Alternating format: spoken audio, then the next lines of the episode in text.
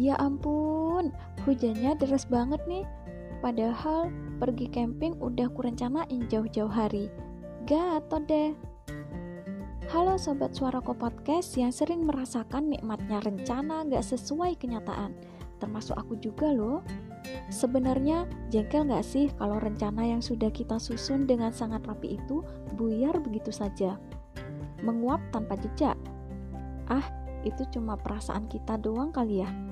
Faktanya, semua yang terjadi di alam ini murni dan mutlak atas izin yang maha kuasa. Daun jatuh aja, kalau Allah gak ngizinin, gak bakalan jatuh tuh daun. Bener apa betul? Kita selalu berharap bahwa semua yang sudah kita rencanain bakal tenang dan sesuai ekspektasi.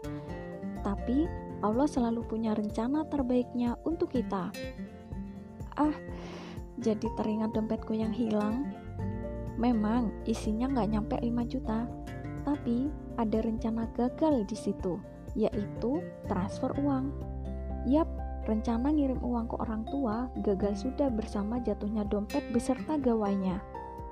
Ternyata Allah memang punya rencana lain yang lebih baik dari hilangnya dompet itu. Apa itu? Perasaan legowo yang luar biasa.